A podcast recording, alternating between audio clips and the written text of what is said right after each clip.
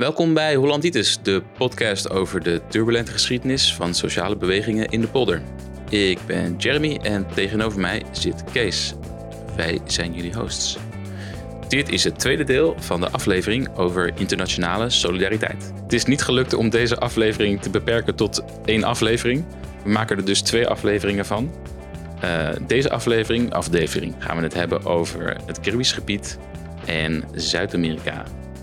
In aflevering 3 gaan we het hebben over Midden-Amerika, Nicaragua en El Salvador. En sluiten we af met een retrospectief. Maar goed, Kees, die Bolivariaanse revolutie, dat was wel een geschiedenis om nog eens een keertje na te vertellen, of niet? Zeker. Nee, de vorige uitzending over um, internationale solidariteit, die eindigde met de constatering dat de, de moderne solidariteitsbeweging nauw samenhing met de dekolonisatie na de Tweede Wereldoorlog in Azië en Afrika. Eh, en dus niet in Latijns-Amerika, want daar speelde dat niet. Omdat dat was al formeel gedekoloniseerd uh, honderden jaren eerder. Ehm, en dat moeten we toch even uitleggen voor onze luisteraars, dachten we. En ja, dat wordt wat betreft het continent, Zuid-Amerika, tot, tot en met Midden-Amerika en misschien zelfs Mexico, um, heeft dat te maken met wat wel genoemd werd de Bolivariaanse uh, ja, onafhankelijkheidsstrijd, die in Venezuela begon. Uh, met dus die, die, die Simon Bolivar als leider, die zich keerde tegen de, de Spaanse kolonisatoren. En dan hebben we het over begin 1800. En die Bolivar die had het uh, geleerd in uh, Europa ehm, bij Napoleon. Daar had hij gevochten.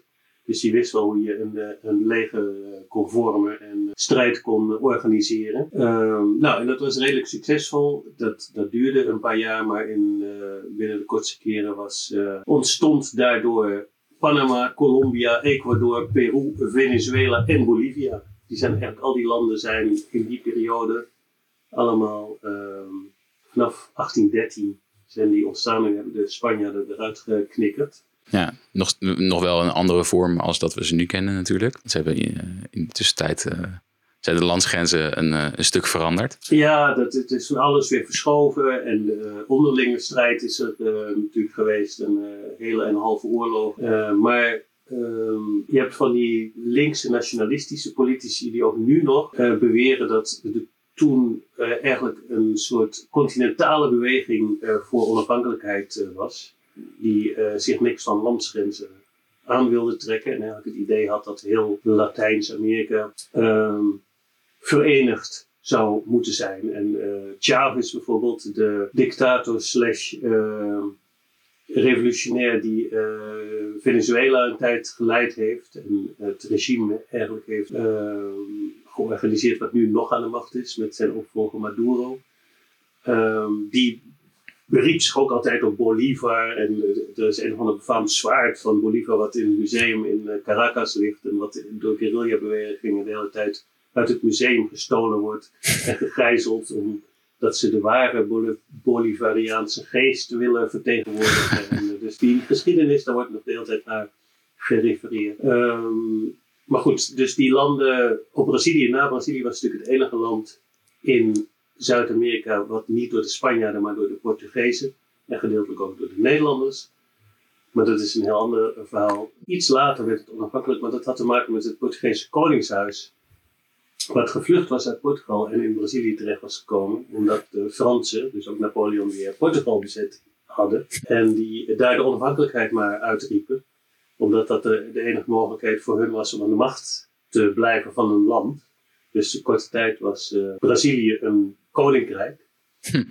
Totdat, uh, dat was Peter de Eerste, was dat. Die het vervolgens aan zijn zoon Peter de Tweede overdeed. En toen was de lokale burgerij die dacht van nou is het genoeg geweest met die, uh, met die majorette shows. En toen zijn zij ook afgezet. En ja, toen was Brazilië onafhankelijk. Portugal erkende dat in 1831. Um, dus vanaf die tijd is het een, een soeverein land, maar natuurlijk in handen van de, van de lokale elite, grotendeel. Um, en het Caribisch gebied is in dezelfde periode een hele belangrijke revolutie geweest op Haiti.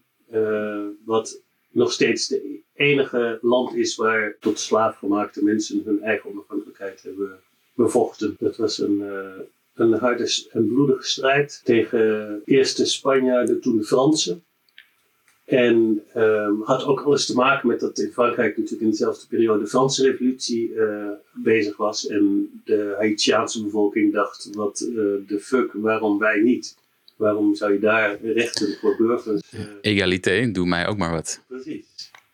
Nou, en dat heeft een, um, een, ja, een ware revolutie eigenlijk teweeggebracht, inclusief de hele ideologie die erbij hoort over uh, slavernij als, als misdaad die afgeschaft moet worden en uh, een on, ongeracialiseerd mensbeeld ook, wat natuurlijk in die tijd helemaal niet normaal was. En um, die school heeft gemaakt tot over de hele wereld. Dat is eigenlijk de eerste voorbeeld dat uh, niet-witte mensen hun, hun eigen land konden bevrijden en, en, en besturen ook een, eh, een resultaat opleverde wat veel beter was dan daarvoor onder heerschappij van die witte kolonisatoren. En ja, er zijn allerlei uh, fantastische boeken over geschreven, maar een van de beroemdste is wel Black Jacobins van eh, C.L.R. James.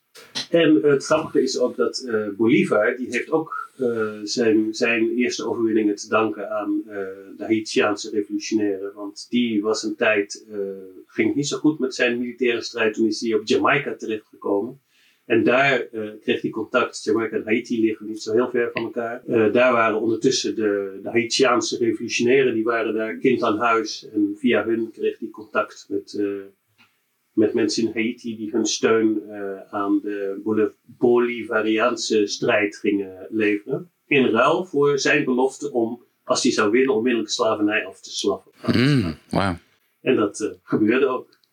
Dus zo zie je hoe revolutionaire bewegingen, internationale solidariteit, dat is het thema. Dat het is natuurlijk van alle tijden. En dat gaat uh, eigenlijk, is dat een organisch onderdeel van een goede revolutionaire beweging. Ja, de domino-theorie van, uh, van de Amerikanen, die, uh, die snijdt wel hout. Ja, zeker als het goed, uh, een goed voorbeeld is, uh, dan, uh, dan doet dat zeker volgen. En dat is ook een van de, de constanten eigenlijk in, in het buitenlandbeleid van Amerika. Is voorkomen dat dit soort goede voorbeelden zich kunnen ontwikkelen. Ja. nou ja, in ieder geval leverde dit dus een heel ander patroon op. Vreemd genoeg is, of vreemd genoeg, dat weet ik maar de Nederlandse koloniën, die hebben nog het langst, uh, zijn die, uh, hoe noem je dat, niet afhankelijk geweest. Suriname was in 1975 afhankelijk geworden, onafhankelijk. Het, ja, er was uitzondering in Latijns-Amerika.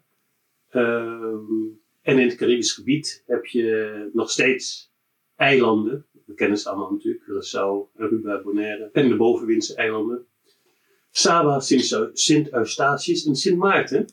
Uh, die, die nog steeds uh, bij het Nederlands Koninkrijk uh, horen. En zo geldt dat ook voor Franse, Spaanse niet meer. Cuba was tot eind 1800 was het nog Spaans onderdeel van, de, van het Spaanse imperium. Hm. En de Amerikanen hebben slag geleverd met Spanje om dat eiland. Dus in het Caribisch gebied is het, is het heeft het kolonialisme nog veel langer voortgesudderd en doet het nog steeds. Uh, Puerto Rico is een, is een, ja, een schrijnend voorbeeld eigenlijk van, uh, ja, het is nog steeds, zonder dat mensen heel veel rechten hebben, uh, onderdeel van de Verenigde Staten, van de United States. Ja, het is een territory, niet eens een staat. Ja, ja. ja dat was Cuba ook. Diezelfde status had het. Hm. Um, having said that, Um, ja, dat, uh, is toch een beetje vreemd eigenlijk dat uh, onze theorie dat dekolonisatie en solidariteitsbeweging dat dat veel met elkaar te maken had. Uh, dat juist de sterkste solidariteitsbeweging in de jaren zeventig misschien, zijn, zijn natuurlijk de anti-Vietnam beweging was misschien wel, het is, gaat, hangt er vanaf hoe je het gaat meten of zo, maar qua omvang was dat op, een gegeven moment ook, natuurlijk ook uh, gigantisch groot in de jaren 60. Uh, eh, maar dat er heel veel tot ontwikkeling kwam uh, om solidariteit te betuigen met strijd in Latijns-Amerika, terwijl dat ja, min, veel minder verbonden was aan dekolonisatie. En een van de uitleggen van de verklaringen daarvoor is ehm, misschien juist dat. eh, dat ehm, het veel minder eh, een strijd was tegen de westerse eh, bezetters en zo. Waardoor je je toch makkelijker kunt associëren met, met die strijd. Het is een minder ingewikkeld verhaal. Ja. Hoewel er trouwens op Haiti, moet ik nu denken, was het ook een van de, van de prachtige verworvenheden van de Haitiaanse revolutie. Was dat eh, witte mensen ook zwart konden worden. Die konden zich ook aansluiten en dan werden ze automatisch zwart. Dus eh, in, die, die grondwetten die toen geschreven werden, had je allerlei definieringen over rechten voor zwarte mensen. En voor het geval dat witte mensen die aan hun kant van de barricades terecht waren gekomen, zich uitgesloten zouden vo- voelen, was bepaald dat zij daar ook toe behoorden. De samenleving in Latijns-Amerika, ik vind het altijd een beetje ingewikkeld, die, die term, Ehm, maar we begrijpen wat ermee bedoeld wordt. Die was misschien veel eh, westerser dan die in Afrika of Azië, waar toch allerlei eh, vreemde talen en gebruiken en religies voor mensen in West-Europa eh, makkelijker was je te vereenzelvigen of te begrijpen wat er gaande was in Latijns-Amerika.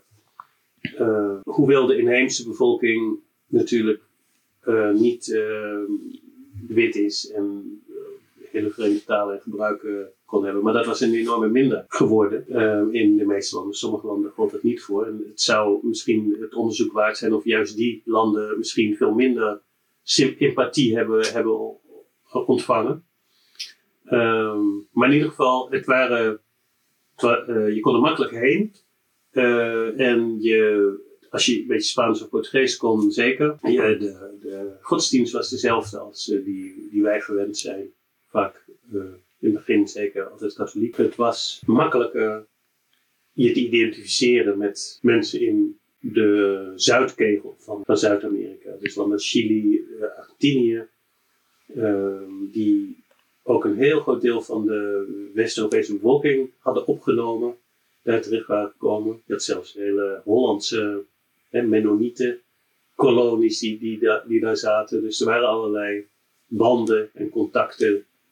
En dat zal een van de redenen zijn dat toen daar linkse bewegingen opstanden gingen proberen te organiseren en zij solidariteit eh, nodig hadden, dat mensen daar eh, op eh, gereageerd hebben.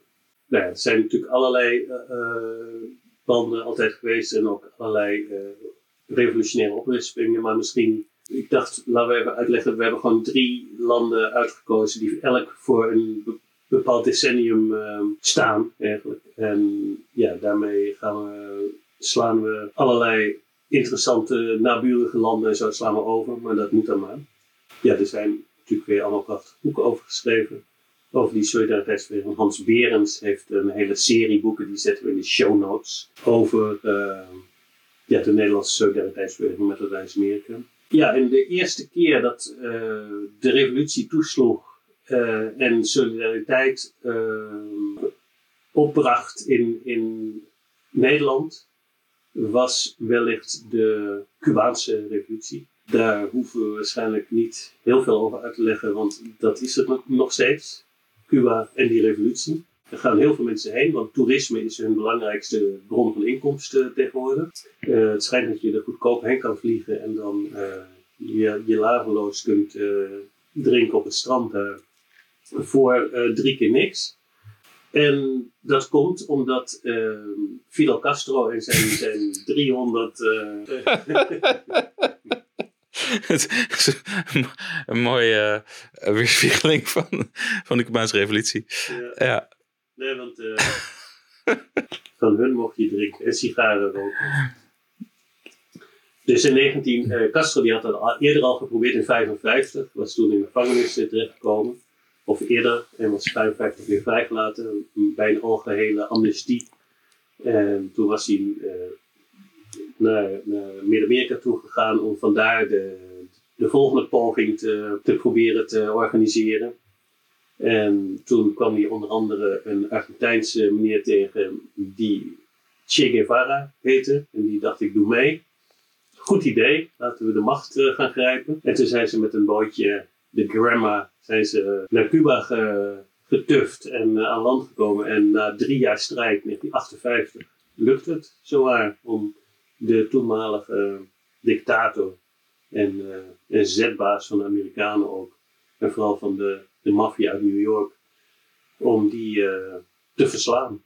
Want in de tussentijd hadden uh, de Amerikanen Cuba uit handen van de Spanjaarden genomen. Ja, ja. En dit was daarna ook wel uh, onafhankelijk uh, verklaard. Ehm, het was een protectoraat tot de jaren 30. Ehm, maar het werd toen geleid door de, de, de Batista-clan. En dat was ja, tuig van de regel. Die probeerde zo veel mogelijk geld aan smokkel, prostitutie en Casino's. Casino's, de eh, Amerikaanse toeristen ehm, te, te halen.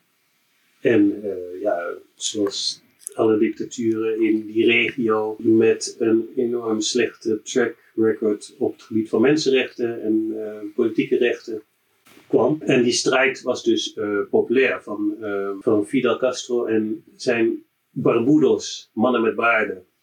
En het was eigenlijk maar een kleine groep die, die, die dat uiteindelijk lukte. En ze hebben ja, dus drie jaar in, uh, in het oerwoud uh, strijd geleverd. En toen langzaam naar de hoofdstad getrokken. En toen uiteindelijk lukte dat. In het begin was het onduidelijk welke kans op zou gaan. Het waren geen overtuigde communisten. Maar het was wel duidelijk dat ze allerlei linkse invloed en sympathieën hadden. Maar het was toen niet heel duidelijk dat ze, dat ze aan de kant van uh, Rusland, uh, of noem je dat, de Sovjet-Unie in het Oostblok uh, kamp terecht zou komen. Maar al redelijk snel was duidelijk dat dat de enige optie was voor hun.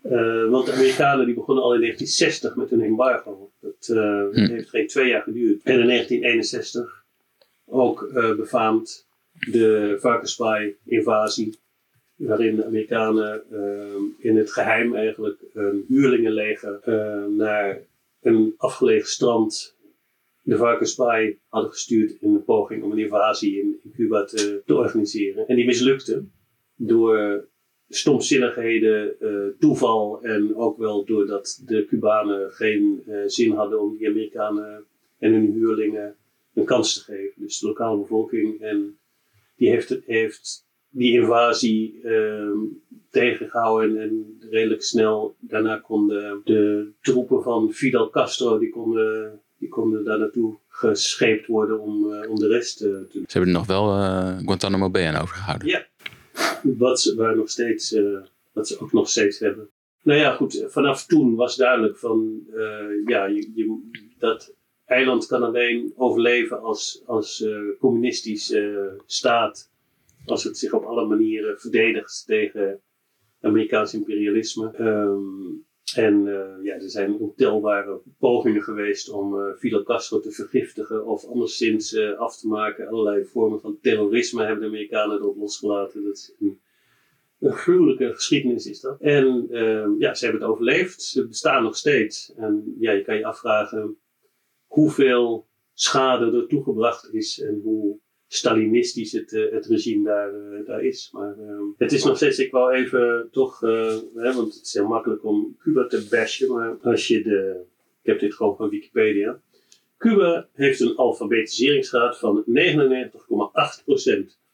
Een kindersterftecijfer dat lager is dan sommige geïndustrialiseerde landen en een gemiddelde levensverwachting van 78,3 jaar. Daarmee heeft Cuba een hogere levensverwachting dan de Verenigde Staten.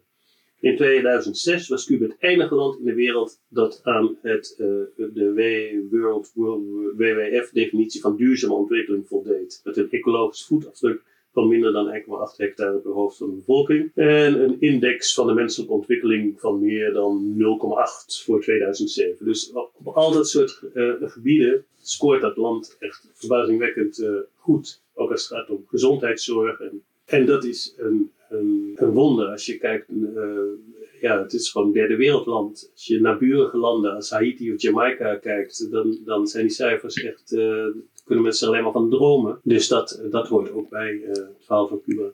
Ja. Um, maar ja, politiek is het natuurlijk een, een ramp. Dat, als je daar woont, heb je geen, geen rechten. En, um, het is er niet gelukt omdat daar een, middenweg in te vinden of een alternatief dan een dictatuur eigenlijk. Solidariteit was redelijk snel ook. Ehm, daar gaat het natuurlijk om. En ehm, in, in dit geval ehm, was, ging de aandacht vooral uit naar de oorlog in Vietnam in die periode. Dus de, de ontwikkelingen op Cuba en de aanvallen op Cuba, die, die kregen misschien minder aandacht in, in Nederland. Over welke periode hebben we het nu dat, uh, over? In de jaren 60. Ehm, dus toen, het, toen, het, toen de revolutie slaagde en tot, uh, opgebouwd uh, werd en tot ontwikkeling kwam.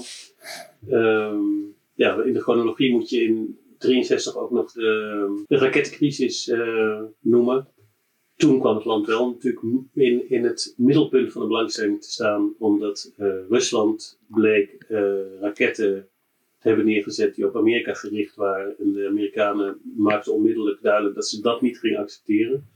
Terwijl ze natuurlijk hetzelfde overal op de wereld uh, deden richting communistische landen. Um, en er dreigde een, een eerste atoomoorlog tussen, tussen het Westen of de Verenigde Staten en, en de Sovjet-Unie over die, die kwestie. En die is uiteindelijk opgelost door, doordat de raketten weggehaald werden. Khrushchev. Uh, ja, een van de verschillende keren in de geschiedenis dat uh, de hele wereld bijna opgeblazen werd. Ja. Door John F. Kennedy in dit geval. Ja, precies. Uh, die, die wiens ja, beleid ten aanzien van. Kijk, al die verhalen die we nu vertelden over hoe de Amerikanen reageerden op de Cubaanse revolutie, dat was onder zijn bewind eigenlijk. Ja. Net zoals de start van de Vietnamoorlog. Ja. Maar goed, die, die, die atoomoorlog is dus uh, in de kiem gesmoord doordat de Russen uh, slim genoeg, of hoe noem je dat, goed genoeg waren om, om, om niet de gok te wagen of ze dat nou wel of niet zouden beginnen, de Amerikanen. Ehm, maar sindsdien was er natuurlijk een openlijke, directe relatie tussen de Sovjet-Unie en Cuba. Ehm, wat natuurlijk ook de ontwikkeling, de politieke ontwikkeling op het eiland niet ten goede kwam. Want dan, dan ja. Dan, je had in die periode had je ook uh, in landen als Hongarije of uh, Tsjechoslowakije pogingen om een andere koers te varen. En die werd door, door de Russen met harde hand gesmoord. Een van de belangrijkste personen die gezorgd heeft voor goodwill voor Cuba in, op, in Nederland was uh, de toen beroemde schrijver, inmiddels overleden Harry Mulisch. Die verschillende keren naar Cuba toe is gegaan in, met, met uh, hele cameraploegen erbij. En uh, het was echt een, een vooropgezet doel om propagandistisch voor, voor Cuba te werk te gaan. En heeft toen een beroemd boek geschreven, wat nog steeds het lezen zeer waard is. Ik, ik herlees het elk jaar wel, wel een keer. nee, dat is een grapje. Ik heb het wel gelezen. Het woord bij de daad. En als je dat nu leest, dat is in ergens 67 is dat uitgekomen. Dan denk je, oh, ongelooflijk. Dat, dat, hij was toen al echt een, hoorde bij de grootste schrijvers van Nederland. De belangrijkste, ja toen de grote drie. Het was van Reven, Werf Hermans en Harry Mulisch. En ja, hij kwam dus op voor Cuba en ging uitleggen dat daar de nieuwe mens aan het ontstaan was. En toen was het nog heel erg het idee dat uh, we op een keerpunt stonden. Uh, een soort omgekeerd Fukuyama-moment was dat. Van niet het einde van de geschiedenis, maar het begin van de geschiedenis. Hmm. Nieuwe systemen. Mensen die daar. Kijk, in het begin zouden nog. Um, jeugdproblemen zijn. kinderziektes. kinderziektes. Mensen die in dat systeem opgroeiden, die zouden ja, begrijpen van, dat je collectief moet leven en niet uh, individueel, uh, egoïstisch. En dat noemden ze de nieuwe mens. En op Cuba werd daarmee geëxperimenteerd. Nou, het idee was natuurlijk ook dat daarna de hele wereld uh, langzaam dat systeem over zou nemen. En daaruit ontstonden natuurlijk allerlei bevrijdingsstrijden in andere Latijns-Amerikaanse landen en op het Caribisch gebied. Die dachten van nou, als dit Cuba kan, dan moet het bij ons ook. En Che Guevara was natuurlijk een heel belangrijke figuur daarbij. Die, was een soort uh, Jezus, Jezus Christus uh, popster-achtige type. Die uh, als hij optrad op de wereld, dan, dan gingen de camera's aan. En zijn poster hing op alle muren, bij wijze van spreken. En um, hij um, maakte af en toe een uitstapje naar een ander land, heel mysterieus, heeft een tijdje in Congo gezeten om te proberen daar de onafhankelijkheidsstrijd te helpen organiseren. En uiteindelijk is hij omgekomen in Bolivia. En dat was toen was dat wel wereldnieuws en werd gevolgd ook dat hij daar zat. Op een gegeven moment was dat duidelijk en dat daar de guerrilla strijd georganiseerd werd. En um, als je zijn dagboeken leest, die toen in Nederland werden ze bij Van Gennep geloof ik uitgegeven. Ja, dat waren, waren bestsellers. Iedereen kocht, uh, kocht die, uh, die boeken. Maar als je die dagboeken leest, dan zie je dat het eigenlijk een uh, mislukte expeditie was, die Boliviaanse poging om hmm. de, de arme boerenbevolking aan hun kant te krijgen. Of anderszins dat de counterinsurgency, die toen op dat al vol aan het ontwikkelen was, waar de Amerikanen een speciale school voor in Panama hadden opgezet, dat die uh, erin slaagde om dit soort beginnende pogingen tot, uh, tot revolutie de kop in te drukken. Uh, maar toen hij overleed, toen uh, was het ook wereldnieuws. En toen heeft Harry Mulisch samen met allerlei uh, andere beroemde Nederlandse kunstenaars, die hebben een opera gemaakt. En die heeft zes dagen lang in Carré heeft die, gespeeld. en die heette Reconstructie.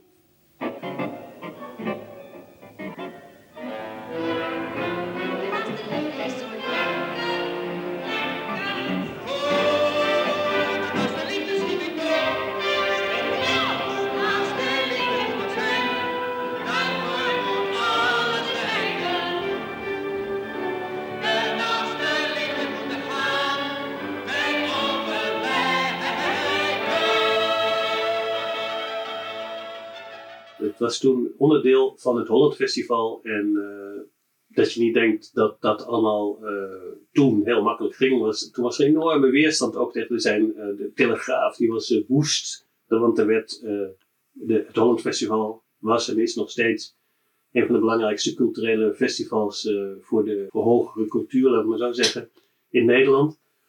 En dat daar geld naartoe was gegaan, dat was dus staatssubsidie en kanovragen en de wethouder of hoe noem je het, staatssecretaris, die moest, moest uh, zich uh, verantwoorden en zo. Maar uiteindelijk is het wel doorgegaan. Um, ja, van Louis An Andriessen Rijnbert, de Leeuw Misha Mengelberg, Peter Schat en Jan van Vlijmen. En het uh, libretto geschreven door Hugo Claus en Harry Mulisch.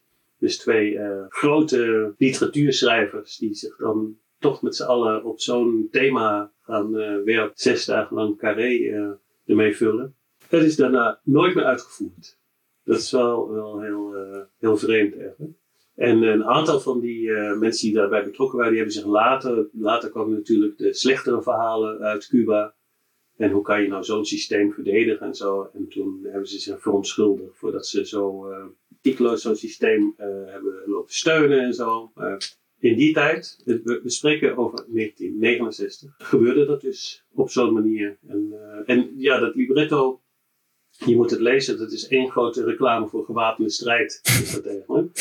dat het wel moet en dat dat. Uh, ja, dat is ook helemaal in, de, in, het, uh, in de trend van toen verscheen uh, De Verworpene de Aarde van Frans Fanon. En daar had Jean-Paul Sartre, die had daar een voorwoord in geschreven. Nou, als je dat ook terugleest, dan denk je, hoe is het in godsnaam mogelijk? Zulke gewelddadige, militante taal eigenlijk, dat die mainstream uh, wordt. Over de decolonisatie, dat was toen hetzelfde verhaal van ja, je moet, als die witte niet willen wijken, dan moet je ze afschieten. Dat is uh, het enige wat helpt. Nou goed, en toen kreeg je, geïnspireerd door de Cubaanse revolutie en andere, ook de Algerijnse revolutie en zo, dus de decolonisatie, de, de, de, uh, wat mensen konden zien hoe decolonisatiestrijd gewoon bevrijding opleverde uh, krijg je overal in Latijns-Amerika en op het Caribisch gebied krijg je pogingen om, uh, om, om ook zo'n uh, overwinning te, te behalen. Maar eventjes nog terug naar Cuba. Ja. Het waren natuurlijk niet alleen maar de literaire figuren die, die zich organiseerden in Nederland rondom Cuba. Dat was ook de, de, Communistische Partij, de CPN. Nou, het was veel breder hoor dan de Communistische Partij. Dus allerlei linkse organisaties die stonden daarachter. En er was toen bijvoorbeeld de wereldwinkels, uh, die gingen Cubaanse suikerriet verkopen. En dat was een, uh, iets wat ja, alle, alle linkse alternatieve huishoudens, die hadden dat op tafel staan. Uh, dat was, Zoals we nu de Zapatista koffie aan het drinken zijn. Dat, was een hele makkelijke manier om, om, solidair, om solidair te zijn. Rond die suikeroogst werd altijd een enorme show op Cuba gemaakt. Van, die wouden elke keer weer het grootste oogst ooit wouden ze bereiken. Met, daar moest de hele bevolking voor gemobiliseerd worden. Dat was eigenlijk hun, hun koffie inderdaad, hun bron van inkomsten. Ja, je had dus uh, Vince Remos, was de, was de, dat Latijn, uh, Spaans is voor wij zullen winnen, was de Nederlandse solidariteitsbeweging met Cuba. Uh, die inzamelingen hielden en demonstraties organiseerden en een blad hadden. En ja, dat was toen redelijk onomstreden in het begin. En wat voor clubs zaten daarin? Ja, Fitzgerald was volgens mij een, een eigen club. Ah, oké. Okay. Uh, ja, was geen, was geen koepel of platform. Hm. Dus als uh, demonstraties georganiseerd moesten worden, dan uh, ging dat ja, politieke partijen als PSP en CPN en PPR. Ik weet ik, trouwens niet hoe de Partij van de Arbeid zich in die tijd. ik denk dat ze verdeeld waren over Cuba. Want je had in die tijd had je binnen PvdA had je ook een, een werkgroep uh, voor Oost-Duitsland bijvoorbeeld, die solidariteit met Oost-Duitsland uh, propageerde. En allerlei kerkelijke organisaties, ook die waren natuurlijk verdeeld. Marxisme en kerken gaat vaak slecht samen. Maar niet altijd. Maar niet altijd. En, en op Cuba was natuurlijk een grote katholieke, was, was katholiek. Ik, ik, moet zeggen, uh, ik heb geen beelden voor ogen van grote demonstraties en zo. Uh, dat, misschien waren die toen nog niet. Niet voor Cuba in ieder geval. Wel uh, rond Vietnam. dat begon eigenlijk als, als middel begon dat, op te komen.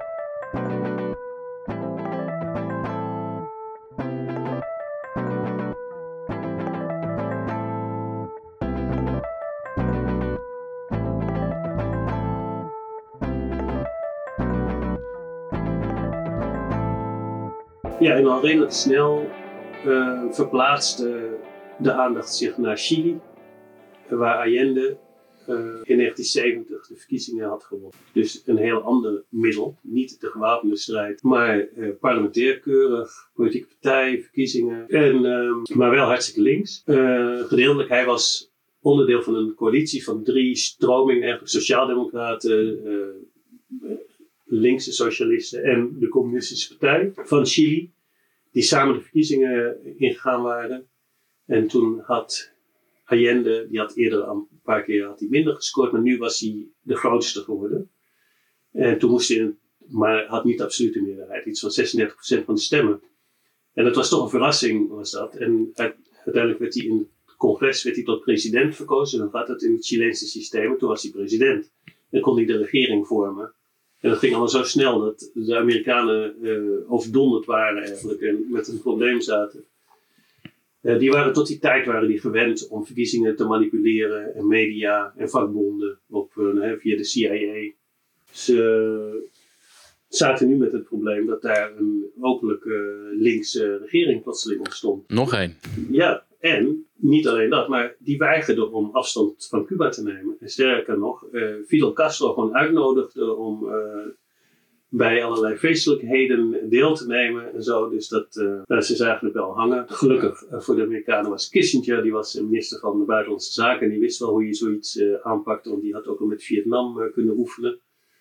En van hem is de beroemde uitspraak, die pas later in, in documenten naar buiten gekomen is uh, dat ze de Chileense economie wel eens zullen laten schreeuwen. We will make the economy scream. En zo snel mogelijk van hem af uh, wilden proberen te komen. Um, en de Chileense leger uh, werd, in het begin werd het redelijk vakkundig gepaaid door Allende, die Pinochet, die later de macht over zou nemen, gewoon minister van Defensie maakte in zijn kabinet. En dacht dat ze daarmee wel, uh, wel gepaaid konden worden.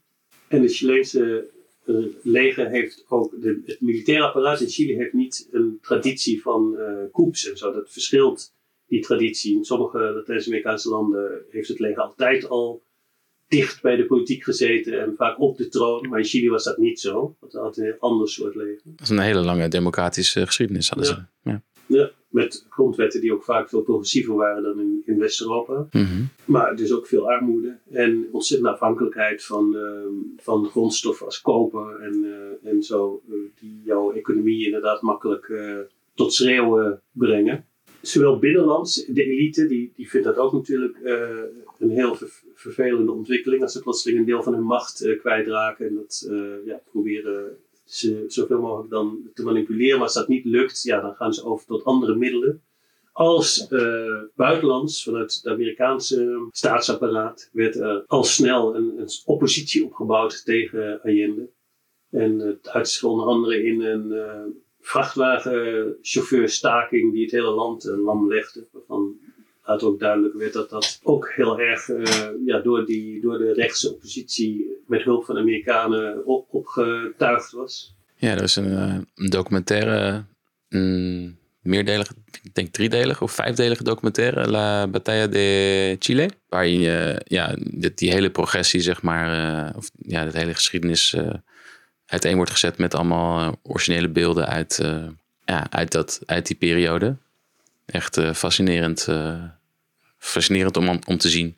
Ja, want uiteindelijk um, heeft het leger dus de macht overgenomen Ehm, en dat was een verschrikkelijke uh, gebeurtenis, ook, ook, omdat toen natuurlijk al drie jaar lang allerlei linkse organisaties en mensen uh, bezig waren gegaan met het opbouwen van een nieuw Chili. En die zijn allemaal voor een groot deel over de kling gejaagd en het land uitgejaagd voor ze het overleefden. En uh, alles is kapot gemaakt. Ja, eigenlijk is dat de aanleiding, of die, de, de 50ste verjaardag daarvan, dat we het nu erover hebben. Over internationale solidariteit met uh, Zuid-Amerika of Latijns-Amerika dat was een, een gruwelijke gebeurtenis. Eh, natuurlijk voor Chili zelf, maar ook um, voor het hele idee dat, je, dat er een legale weg is naar verandering in, in arme landen. Eigenlijk stond het daar heel erg uh, symbool voor. Allende was zeer populair over de hele wereld. Um, en uh, was het, het uh, symbool ervoor dat je, dat je met coalities en met ja, verschillende soorten bloedgroepen van links en zo samen iets kon opbouwen. Uh, wat we ook niet moeten vergeten is dat in die tijd in Chili ook guerrilla-organisaties waren, gewapende groepen die gedeeltelijk met uh, Allende samenwerkten.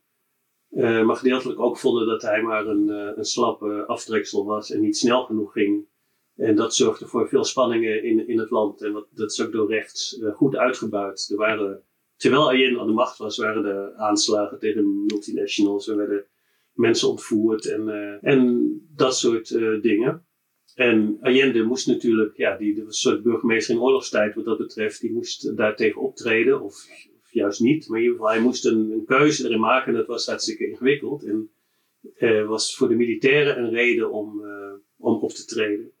En het is uh, de staatsgreep in Chili is eigenlijk een, een, onderdeel van een hele rijk staatsgrepen in datzelfde gebied. Omdat overal toch, hoewel er enorme verschillen zijn tussen de geschiedenis en de samenstelling van de, van de landen, was toch een beetje dezelfde ontwikkeling gaande. De opbouw van links, gedeeltelijk zelfs gewapend links, die de macht uh, aan het bedreigen was. En uh, mijn favoriete voorbeeld is nog altijd Uruguay maar dat is een heel klein landje eigenlijk. Um, en in die zin niet echt representatief voor heel uh, Zuid-Amerika. Maar um, ja, je hebt daar een guerrilla-beweging gehad, de Tupamaros.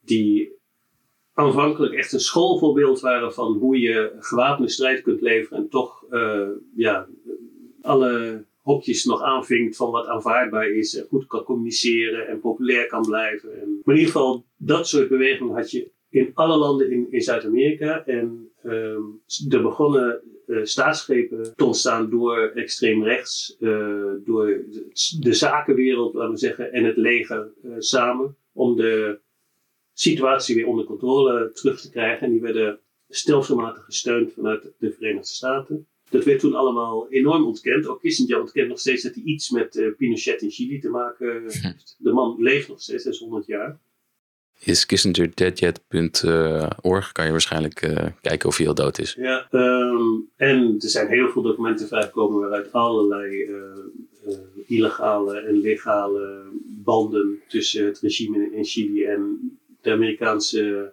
staatsapparaat blijkt. Je kreeg dus staatsgrepen in, in Uruguay, in Paraguay, in Bolivia was het al.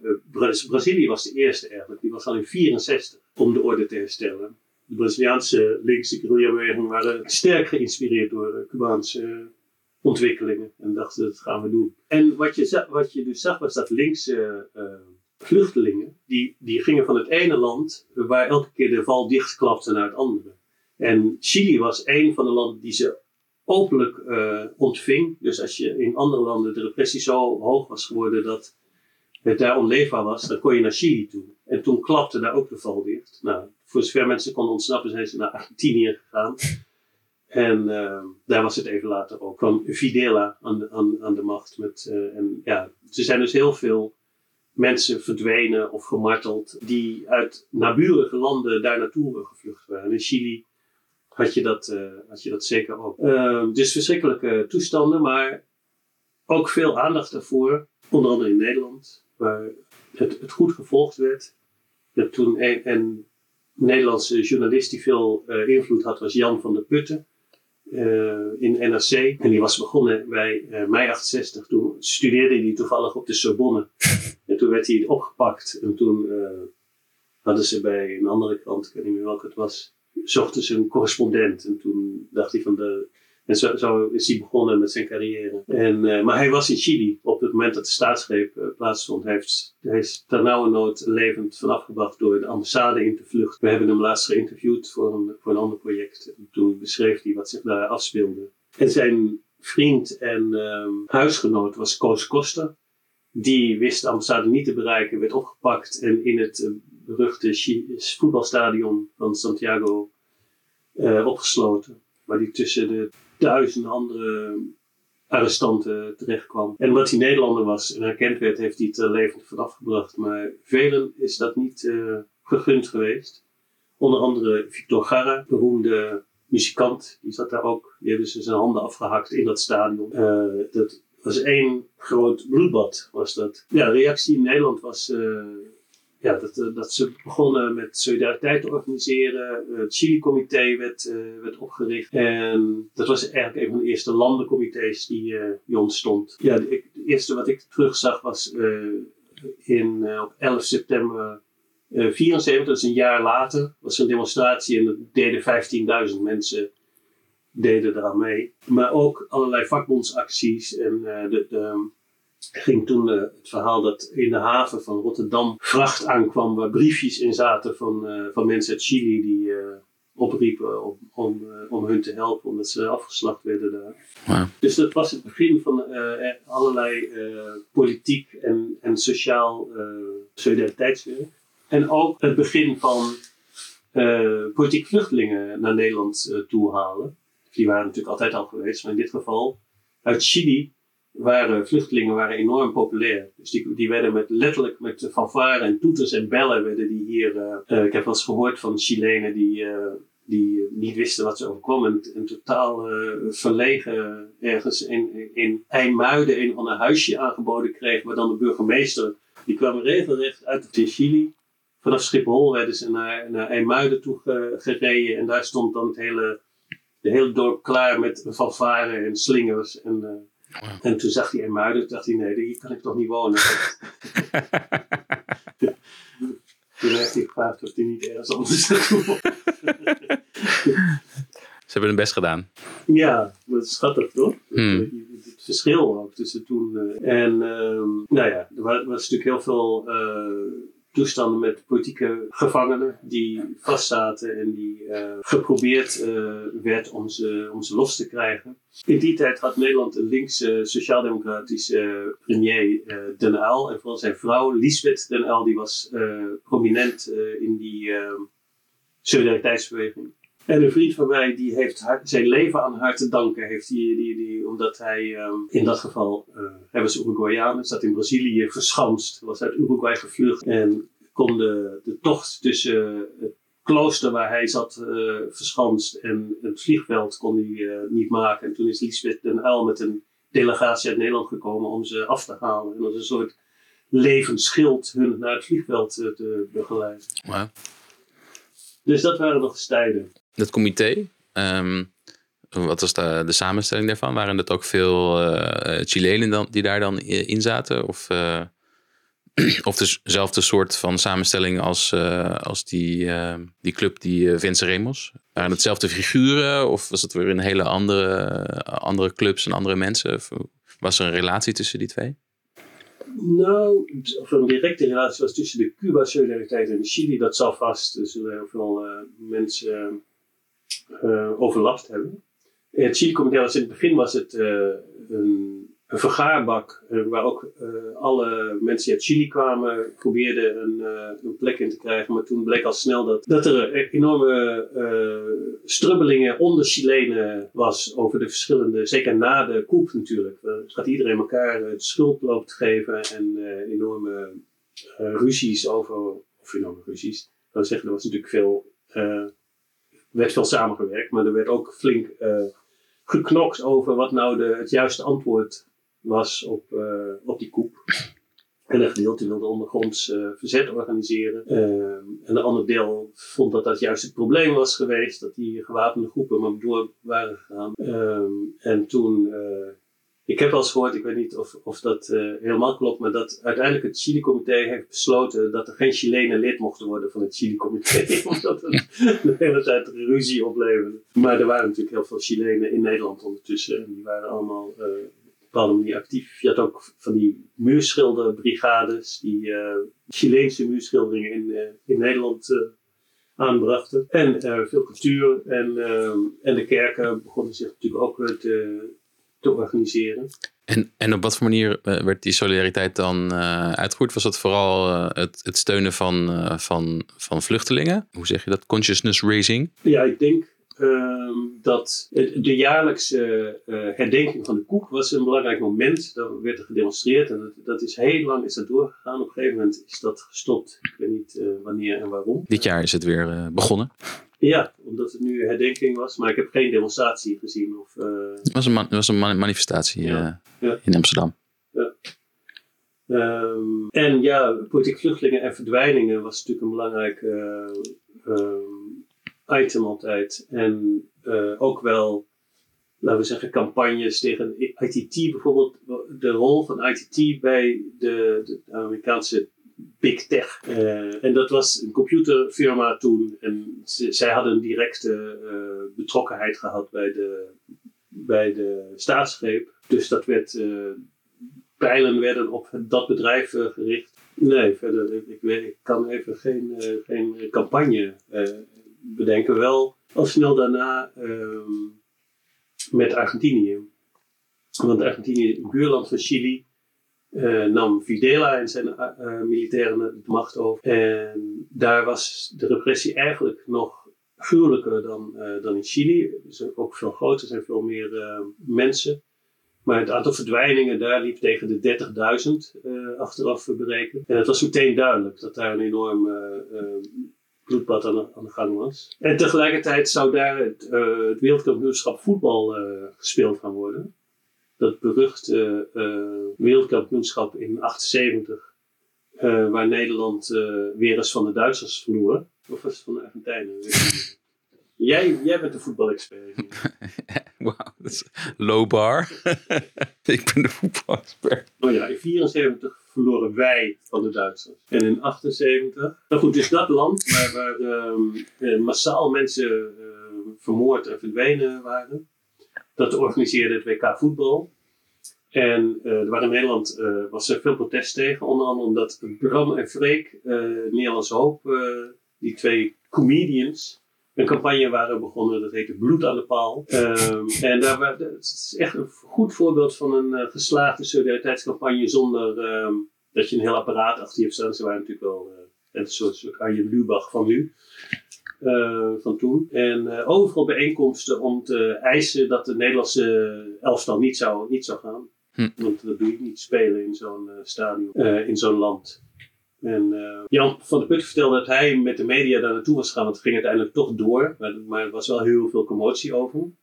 En uh, dat hij als enige journalist eigenlijk niet naar de persconferentie uh, ging, maar naar de Plaza de Mayo, waar de moeders, de, de beroemde moeders van de Plaza de Mayo, hun wekelijkse manifestatie eigenlijk hielden met, met gevaar voor eigen leven om, om opheldering te eisen over het lot van hun uh, verdwenen kinderen. En dat was voor het eerst dat daar een cameraploeg uh, terecht kwam en die beelden gingen de hele wereld over. Tot die tijd was het onmogelijk om. ja, je had nog geen smartphones waar je beelden mee kon maken en die dan het land uit kon smokkelen of versturen of zo. Bij de finale zat, zat de hele groen daar, die, inclusief die Fidela, die zat daar op, op het bordes. En die, ik geloof dat het grootste verzet staat, is dat de Nederlanders hebben geweigerd om hun een hand te geven. En dat was het dan. Er is één voetballer, Barry Hulshoff, die, die was links en die ook naar de naar de Mayo. Gedaan, Barry. Ja, um, ja dat dus wat betreft uh, uh, Zuid-Amerika. Er zijn natuurlijk veel meer verhalen te vertellen over naburige landen. En ook over heel veel landen waar even gruwelijke dictaturen waren, maar nauwelijks aandacht voor was. Ja, zoals Paraguay, of Ecuador. Er zaten wel heel veel Ecuadoriaanse vluchtelingen in Nederland ook. Maar ja, kennelijk toch net iets minder uh, aantrekkelijk of zo. Of ik weet niet wat de factoren zijn die ervoor zorgen dat sommige landen wel heel veel uh, aandacht krijgen en andere veel minder. En dat heeft ook te maken met hoe die landencomité's functioneerden. Dat die natuurlijk altijd hun focus op hun eigen landje hadden. En uh, wij vonden het altijd een beetje problematisch op een gegeven moment toen wij actief werden in de jaren tachtig. Toen dachten we van wat is het nou voor postzegelmentaliteit, dat je alleen maar met die strijd bezig was. Um, er waren natuurlijk wel uh, ook stromingen, juist internationalistische stromingen, die, die het anders probeerden aan te pakken. Maar kennelijk lukte het toch niet om heel, uh, laten we zeggen, de hele uh, problematiek erbij te, te halen. Tot dusver de internationale solidariteit met Zuid-Amerika. Het is ons niet gelukt om de hele geschiedenis van de solidariteitsbeweging met Latijns-Amerika en het Caribisch gebied te beperken tot één aflevering.